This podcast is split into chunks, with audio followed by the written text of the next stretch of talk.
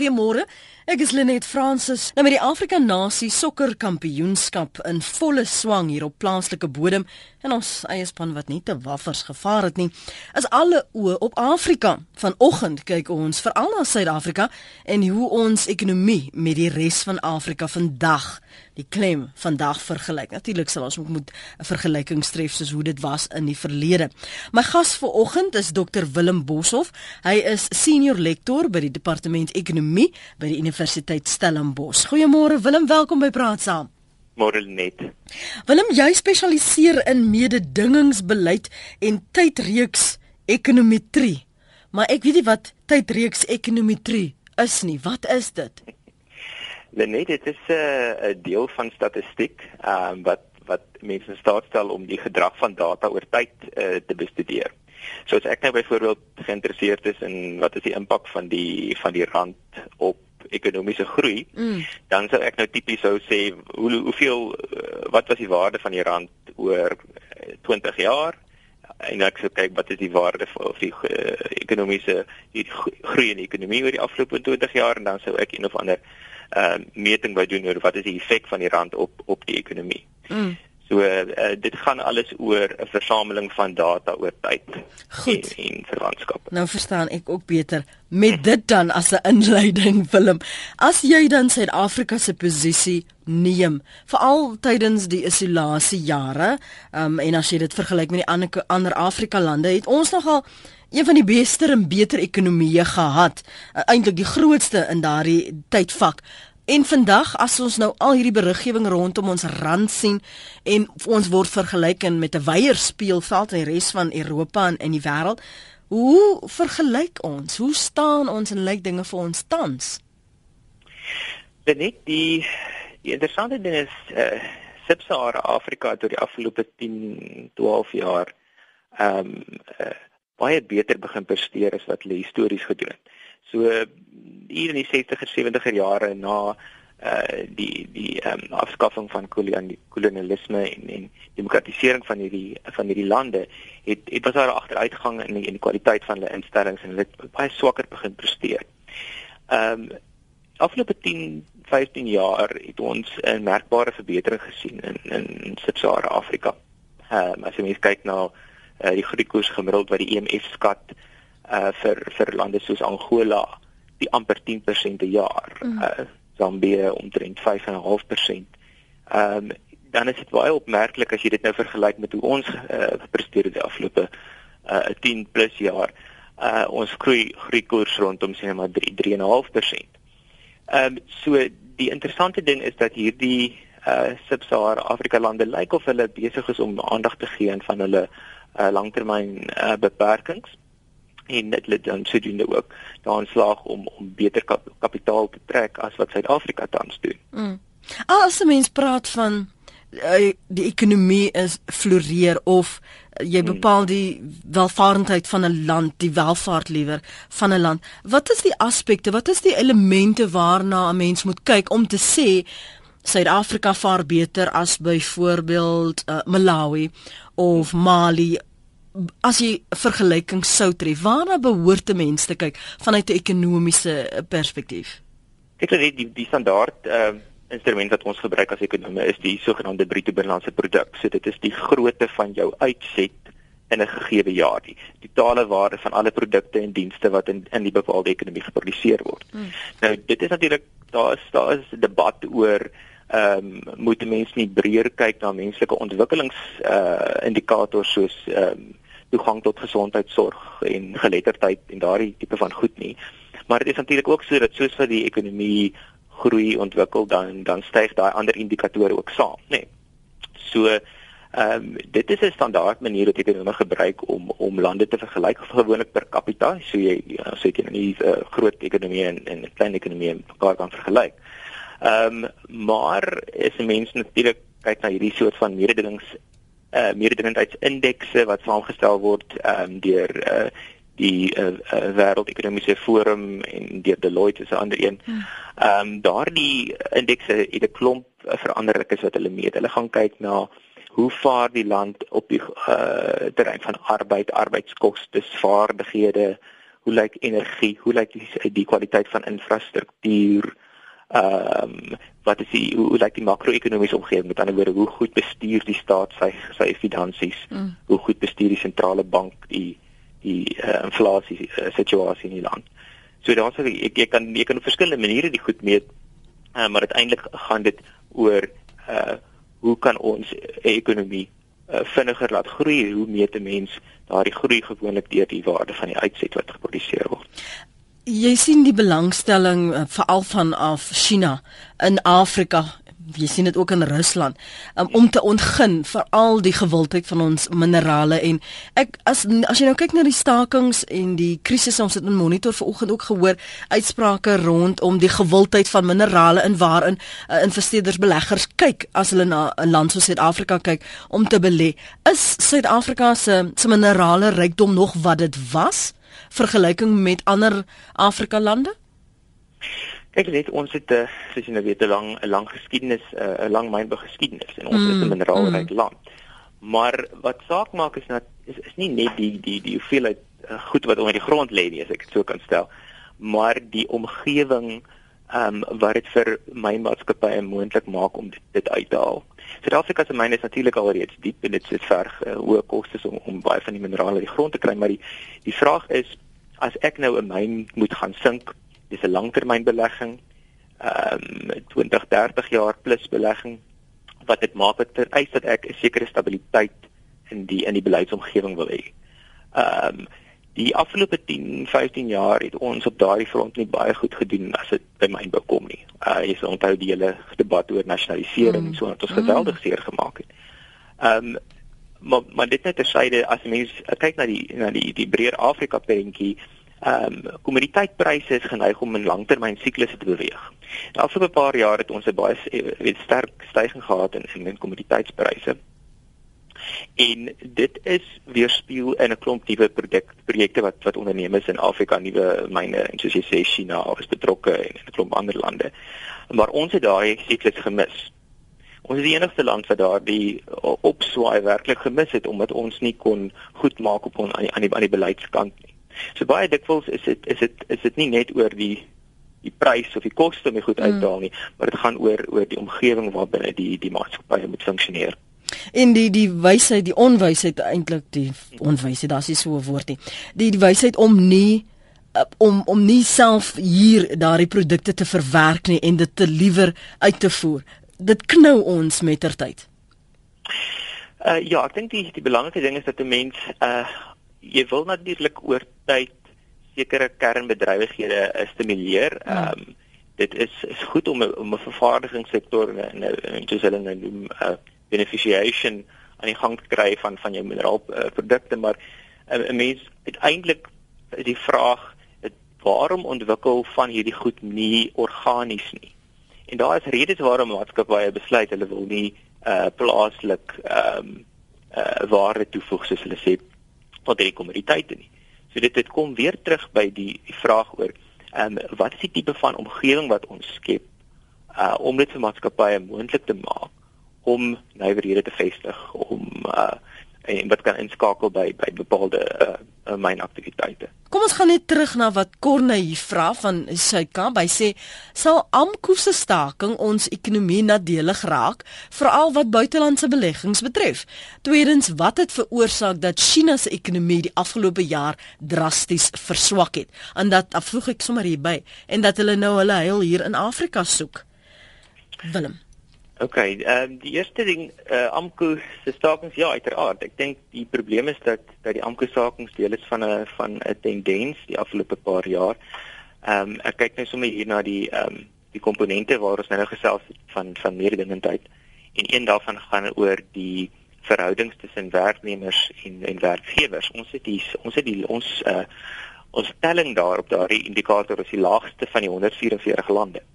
Geweldige 'n uh, swak verhoudings. Ja. En en dit uh in die beheer natuurlik die die die die vermoë van van van maatskappye om doeltreffend te, te funksioneer. So ehm um, en en dit is 'n geweldige militante omgewing. So daar is uh, dis amper 'n soort van 'n eerste sprong na staking. Daar's nie 'n gesprekvoering tussenin nie.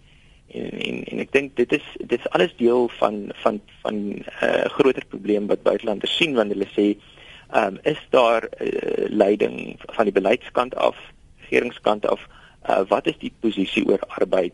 Uh en ek dink die amptekoerskaking is maar net deel van daardie langer termyn uh tendens. En wat hy vra rondom China se ekonomie wat dit veroorsaak dat dit uh, so mm. afgeneem het, verswak het mm. liewer en my vraag daarmee saam hoekom juis hulle heil dan hier in Afrika soek of is dit die een ekonomie wat nog nie verkrag is en vernietig is nie of ja. uitgebuit is nie dis nou net my negatiewe kommentaar kyk ehm um, wat ek miskien eers moet sê is dat dat weet, wanneer uh, die China is een van die lande wat natuurlik baie vinnig ontwikkel het die afgelope paar jaar weldige hoë groei koerse behaal het en um, dis natuurlik soos wat 'n uh, land ekonomies uh, uitbrei dat die dat die uh, groeikoers effe afkom want jy kom van 'n klein van 'n laer basis af so die groei van van van 6% op iets groots is natuurlik baie meer as iets groei van 10% op iets klein. Hmm. Uh, maar dis dis dis net een deel die die uh, die groot uitdaging wat die Chinese in die gesig staar is hoe om te skuif um, weg van 'n uh, soort van 'n produksie of 'n of 'n suiwer uh industriële produksie gedrewe ekonomie na 'n meer verbruikersgesentreerde ekonomie toe. So hulle uh, strategie was om te sê uh en is baie uh, geskoei op die ou um soort van uh, sosialistiese uh, kommunistiese stelsels in Rusland en verder waar hulle mense uit die uit die platteland gebring het na na na stede nader aan die kus in China en dis mense wat teen 'n baie lae uh, bereid is om teen baie lae uh, loone te werk hulle vervaardig lae la koste produkte en hulle voer dit uit. So dit is uitvoer gebaseerde uh lae uh, arbeidskoste gebaseerde produksie. Om dit nou te probeer verander na iets waar jy nader beweeg na wat in Europa of Amerika bestaan waar daar meer innovasie is en en en jy meer van die hoër vlak aktiwiteite doen, mense meer in dienste betrokke is. Dis 'n baie moeilike sprong om te maak. So die Chinese ekonomie is in daai moeilike fase waar hy nou moet skuif vanaf 'n uh, uh, weet met 'n bloot produsent uh van van van van van, van laag uh koste items hmm. na produsent van van van meer kwaliteit produkte. Nou nietemin die afgelope 10 tot 15 jaar het daardie groei skerp skerp groei in, in China vereis dat hulle kommoditeite moet bekom. So die Chinese was 'n baie belangrike drywer van kommoditeitspryse in die wêreld uh en en natuurlik die plek waar hulle kom soek het ehm um, is is is Afrika oor die afgelope paar jaar.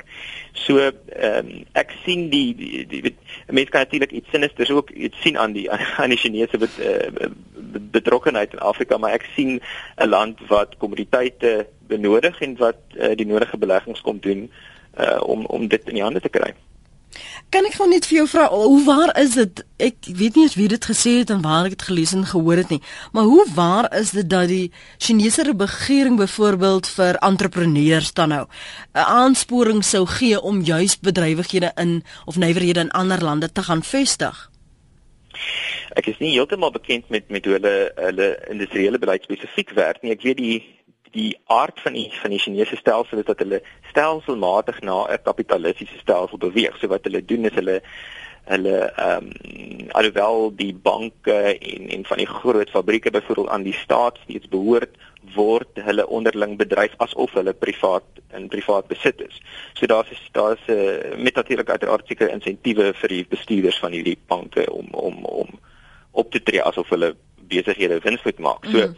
ehm um, hulle probeer in 'n sin uh, naboots wat in 'n gewone kapitalistiese stelsel aan die gang is. So ek sou sê daai is ek ek sou nie verbaas wees dat daar so 'n tipe van sulke aansporings uh, sou wees vir vir vir vir Chinese ehm um, uh, selfs Chinese staatsondernemings wat wil in die buiteland gaan belê. Mm. Ehm um, uh, om om om te groei en meer meer dinge te word nie. Jan is in Belwel, môre Jan? Môre Lenet. Ek sal my oor die hoed storie gaan vandag nie. okay die die uh, sê môre aan die oom ook die uh, die wat die hele ding misgekyk word is van die Chinese. Dit is al 50 jaar so 50 jaar terug begin. Kyk 'n Chinees is 'n slim nasie. Hy het 1300 miljoen bevolking op die oomblik. Die hele Afrika het nie eens 1000 miljoen nie. Hy wil Jan Jan praat oor die plan met Afrika wat jy ja. wil die punt maak toe China belê in Afrika. Hy wil Afrika hê as 'n plaas om sy uh uh nasie te voed. Jy kan dit kyk hoe ons gestroop word, hoe ons kuslyne gestroop word, ons plante, ons jy kan alles kyk. Hy's 'n hy's 'n hy's 'n stroop nasie. Die wat hy nou belê, baie bou in skole bou en alles. Ons gaan betaal daarvoor. Want daar hy hy hy hy hy hy's 'n slim nasie. Hy wil Afrika hê vir 'n plaas. Afrika is die beste vir 'n plaas. Zimbabwe alleen kan omtrent vir die hele China sorg. Hy soek dit. Goed, so jy sê dit, dit, dit gaan oor China se voordeel en nie noodwendig net ja, Afrika ja, nie. Nee, kyk uh, kyk hulle uh, uh, hy is 'n slim nasie. Ons moet dit ons moet dit met met dit raak sien. Goed, dankie. Is daar wederwysige voordele in hierdie ooreenkomste vir almal binne Afrika en die samewerking met China, Willem? Ek kyk net ek dink ehm um, dat uh, die eerste ding wat mense moet moet oor oor gesels is die die manier hoe politieke leiers uh, gekies word en hoe verantwoordbaar hulle is. Mm.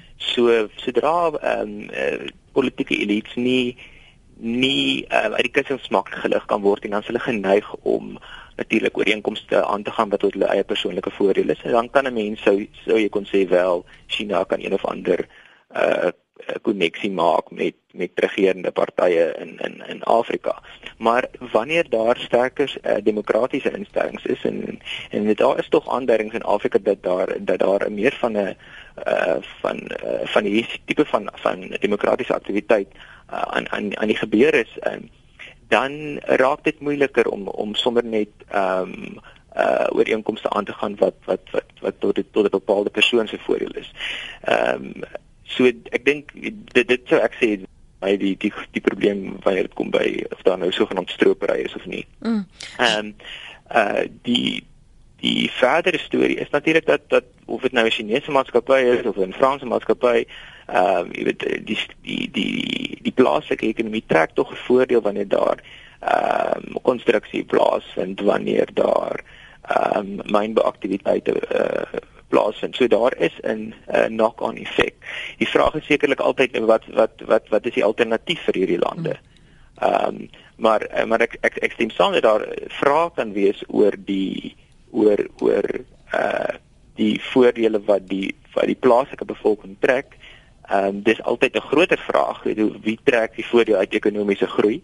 Ehm um, maar uh oor die langtermyn as jy ekonomiese groei aanmoedig, ehm um, help dit um, help dit ook die armer dele van die bevolking. Mm. So ongelukkig 'n langer langer termyn proses, maar dit is uh dis 'n proses wat sy loop moet neem.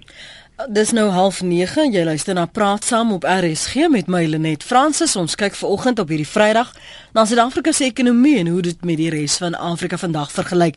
Jy kan saampraat op 3343 jou SMS stuur en dit kos jou R1.50. Ons skakel op 0891104553 rsg.co.za en my volgende tweet by Lenet Fransis. Een my gas ver oggend is Dr Willem Boshoff. Hy is senior lektor by die departement ekonomie by die Universiteit Stellenbosch. Kom ons gaan na Jacques in Kaapstad. Môre Jacques. Môre net, môre Wimpie. Um, om jou vraag te beantwoord net dit is tog duidelik as 'n mens kyk na die geskiedenis van BRIC of dan nou BRICS dat Suid-Afrika so 'n soort van 'n nagedagte aangelap is mm -hmm. vir sekere voordele.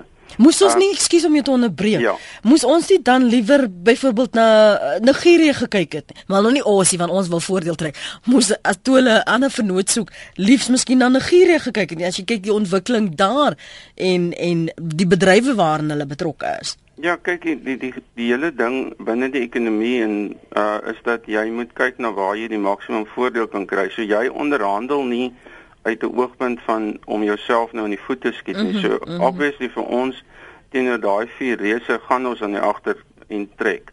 Ehm um, ja, so Nigerië kon 'n goeie roep gewees het, maar dit hang af wat sou die ooreenkoms bel. As baie sulke ooreenkomste as jy kyk na AGOA en en al hierdie tipe daar is uh, weersprake van 'n uh, ooreenkomste ook uh, tussen lande nou hier in die in die suidelike halfrond.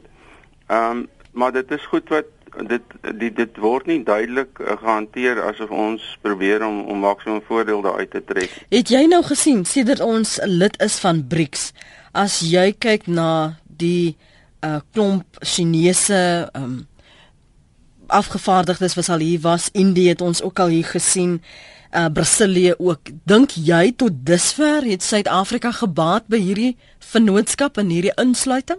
Nee, ek dink nie so nie. Hulle het beslis en dit is hulle reg om aan by te baat. Dit is uh, soos in enige as jy kyk op 'n kleiner skaal, ehm um, enige uh, maatskappy of of firma in Suid-Afrika en en dit is ek glo julle gaan nou nou daar, daaroor mm. praat, maar ehm um, die hele ding van mededingendheid, ons is nie mededingend nie. Ons lê so laag af op die internasionale lys.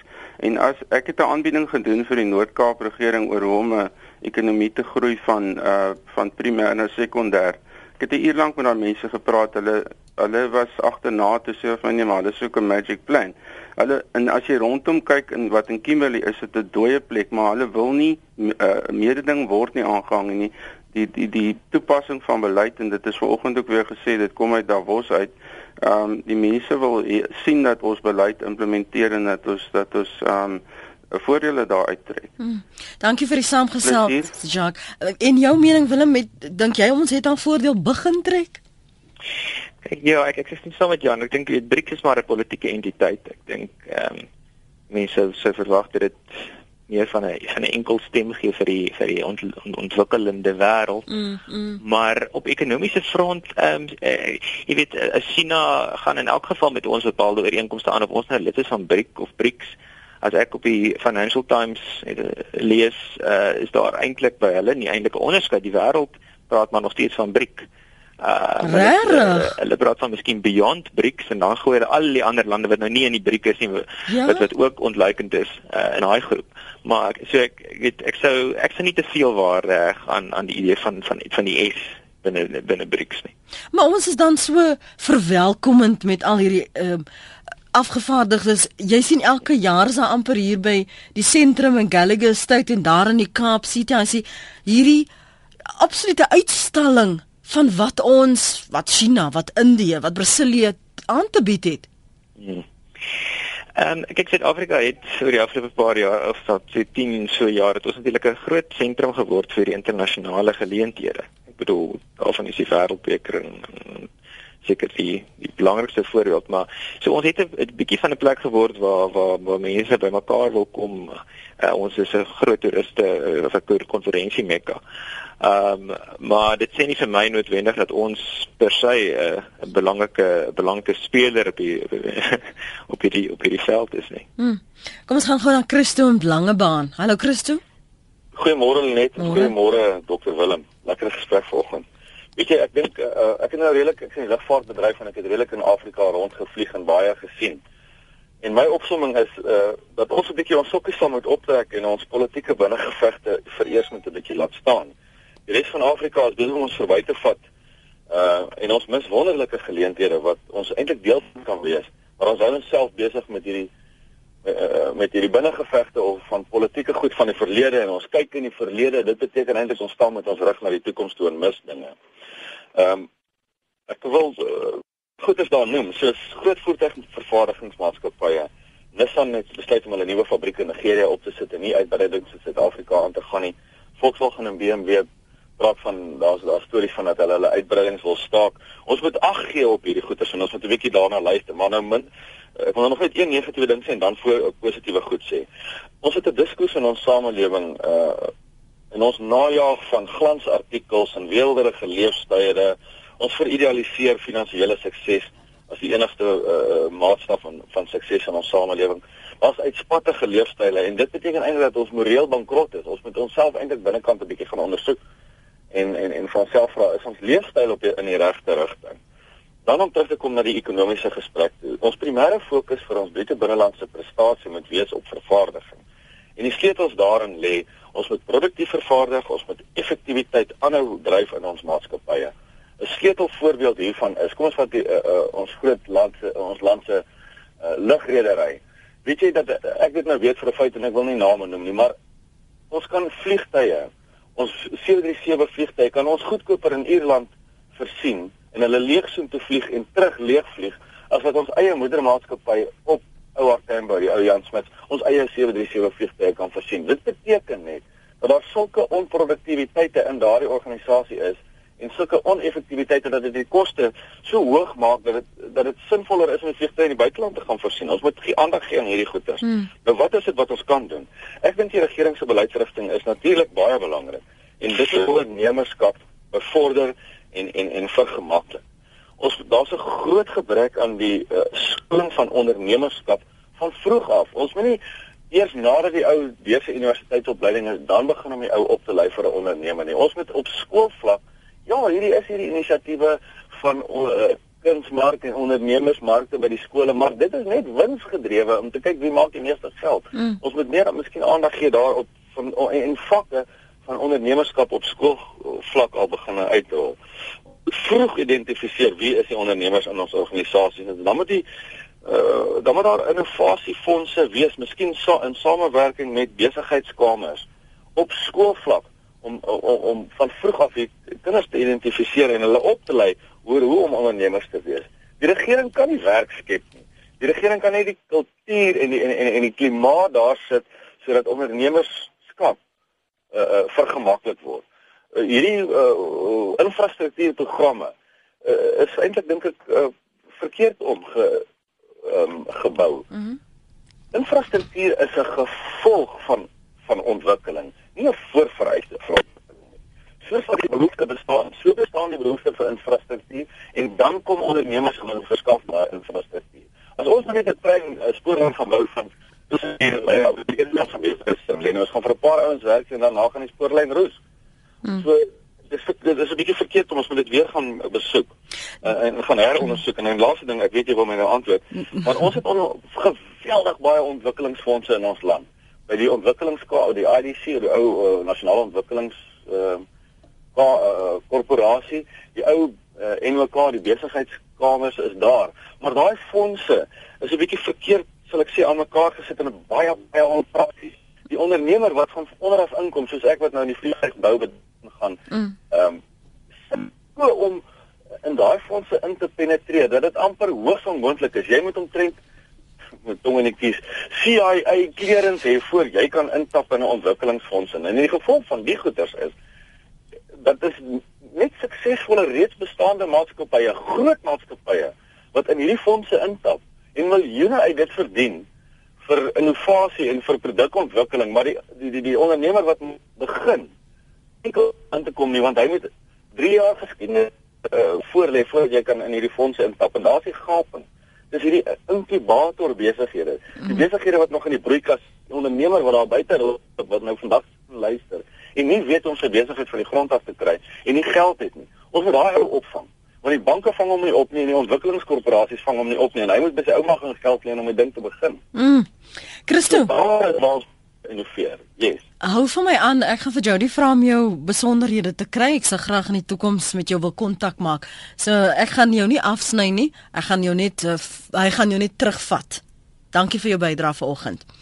Dit was uh, een van ons luisteraars. Dis nou so 20 minute voor 9. Dis praat saam op RSG. Uh, eh, ons praat vanmôre met Dr Willem Boshoff en uh, hy is senior lektor by die departement ekonomie by die Universiteit Stellenbosch wat sê jy van wat wat Christo hier sê veral rondom die die mededingendheid op in die speelveld binne Afrika op die oomblik? Ek sê dit is groot die ehm um, Afrika se van die feit sy van die Sahara die, uh, die afgelope 10 10 15 jaar baie beter beter begin presteer. Ehm um, ek dink 'n belangrike deel daarvan is is natuurlik landbou en en myn mynbou gedrewe uh, ontwikkeling en dit is in 'n sekere sin 'n bietjie siklies.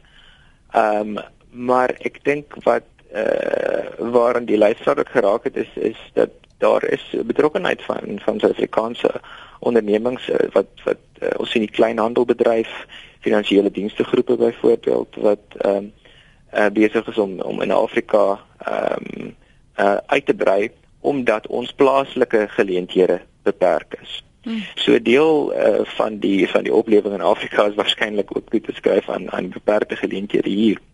Maar dit beteken nie dat ons nie uh dat ons nie uh, die die hele die groei van die hele kontinent uh kan versnel deur plaaslik aan ons probleme aandag te gee.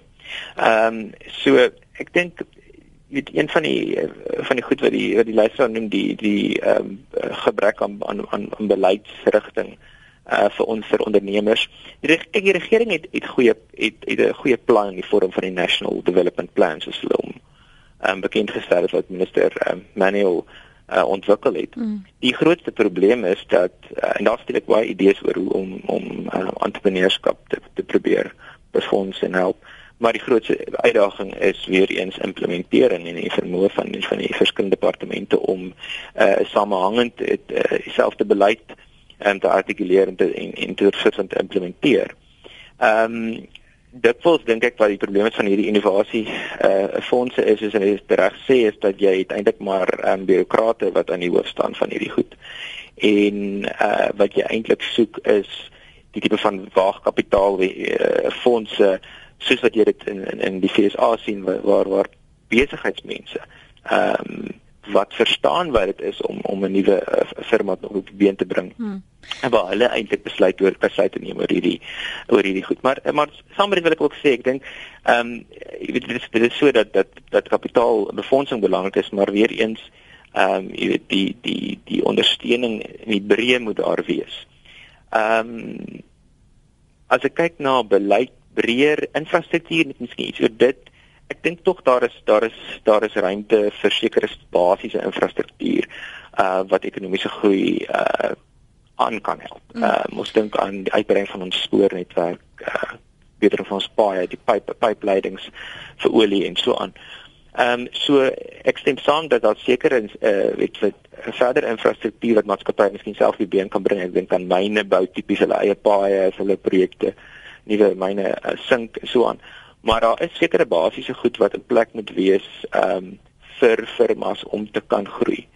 En uh die belegging self in die infrastruktuur skep natuurlik ook 'n bietjie momentum in terme van werkskepping en, mm. en en en en belegging in die ekonomie. Nou as jy Afrika sou vir eh, ekskuus Suid-Afrika liewer sou vergelyk met die res van Afrika en jy jy bepaal 'n mededingingsvlak wat bepaal dit en waarna kyk jy en wat bedoel jy met mededingendheid van 'n van 'n ekonomie? Kyk, ehm um, ek dink mens moet onderskei uh, as jy as jy wil las jy lande wil vergelyk mm -hmm. en as jy binne in 'n land uh, na mededinging van markte wil kyk. Uh, as jy tussen lande wil vergelyking streef, dan gaan jy tipies kyk na en dit is arbeidskoste, arbeidsvaardighede. Vaardighede het 'n geweldige belangrike uh, komponent in Suid-Afrika. 'n Groot deel van ons van ons ehm um, uh, arbeidsmag is, is eintlik ongeletterd of het semi-geletterd. Nee, dit is nie die vermoë om in te skakel in in in in 'n reeks ekonomiese aktiwiteite en energiekoste wat nou weer terugkom by energie-infrastruktuur. Hmm. Ehm um, jy kyk na die kwaliteit soos ek gesê het van hier van die makro-omgewing, hoe bestuur die staat se finansies en so aan. Ehm um, maar uh as ons nou praat binne in die ekonomie, jy mens lees gereeld van die meerdingingskommissie en uh uh ondersoeke wat daar gedoen word, daar kyk word na spesifieke markte gekyk en en en en, en gedrag ehm um, van van groter firmas binne in daardie markte. En dis die vir die die die vermoë of die geleenthede wat bestaan vir kleiner firmas om suksesvol in daardie markte te kan funksioneer. Hmm. Kom ons gaan eers na die lyne toe en ons gesels met George op Edenvale. Hallo George. Uh, Goeiemôre net aan jou gas. Môre. Die grootste probleem in die land is die rand se swakheid. Die rand is maar net 9 Amerikaanse sent werd. En dit is ons grootste probleem want ons koop brandstof en goed van oorsee af. Alles wat ons van oorsee af invoer, moet jy maal met 10. Ek meen ons het nou eendag vir my seun gaan kuier in in Australië. Toe moes ons terugdien 4000 rand vir uh, vir uh, lughawebelasting betaal. En dit is net net ongelooflik. Toe die toe die in 1994 was die rand sterker as die dollar. Dit was 'n dollar 20 vir 'n rand. En en elke slag as hier 'n staking is of 'n mense klippe gooi en en vensters breek, dan gaan die rand se waarde nog erger uh, uh, elke slag. Ja. Ons moet die rand regmaak of of die rand se kan verbeter nie dan hierdie uh, uh, land in in, in sy kanon. Dankie George daar op Edenville. Ons gaan na Theo. Theo is dit Theo of Theo? Uh dis Theo. Dankie. Môre. Goeiemôre. Ek is onder die indruk ons moet praat oor die uh, moontlikhede vir die BRICS vir Suid-Afrika se ekonomie. Ja, dis reg. Nou, ek wil graag 'n inset lewer. Ek woon in Paraguay. Daar het ons 'n organisasie min of meer soos BRICS met die naam van Mercosur. Nou ons het ongeveer 10 jaar gelede in die Mercosur aangesluit. Dis 'n groep lande van Brasil, Argentinië, ek uh uh Uruguay en Paraguay. En uh, hierdie organisasie het vir Paraguay teruggehou geweldig. Uh mens moet onthou die groot lande maak die reëls. Hulle stel die riglyne. En ons in Paraguay was gebonde aan invoer uh tariewe byvoorbeeld. Uh hulle maak die reëls, hulle maak dit vir jou makliker om in te voer van hulle af. Mm. En moeiliker om in te voer van ander af. Maar hulle voer niks van jou af in nie. Mm. Jy het die grootste probleme om na hulle toe enige iets uit te voer. Brasil is vir donkie jare lank 'n land wat omtrent niks invoer nie. Hulle uh, het selfs tot 'n uh, paar jaar gelede nog nie eens motorkarre toegelaat om in te voer nie. So my standpunt is net dit. Jy het nou almal oor China gepraat en ek neem aan China is natuurlik by verre die sterkste faktor hier en dit is waarom almal oor hom praat. Maar die beginsel van daardie tipe van van uh uh organisasies is dat die groot lande het die maak die reëls en die klein landjies baat baie min daarbey. Inteendeel in ons geval het dit ons teruggehou mm. en ons het niks daarbey gebaat nie. Soveel sodat so 2 jaar amper 2 jaar gelede het ons uitgeskop daaruit en sedertdien het ons baie gebaat. Nou ons is nou weer so min of meer alweer daarin as gevolg van die verandering van regering. Maar daardie tipe organisasies moet 'n mens versigtig voor wees en ek glo nie Suid-Afrika gaan veel baat uh uit die BRICS uh uh ooreenkoms van Brasil af ten minste nie. Brasil is nie 'n land wat hou van invoer nie, maar hy is hy sal enigiets doen om vir jou te laat toe te laat om van hom te koop. So dit is maar my inset oor dankie. oor die situasie. Baie dankie, ek waardeer jou inset. Lekker dag daar.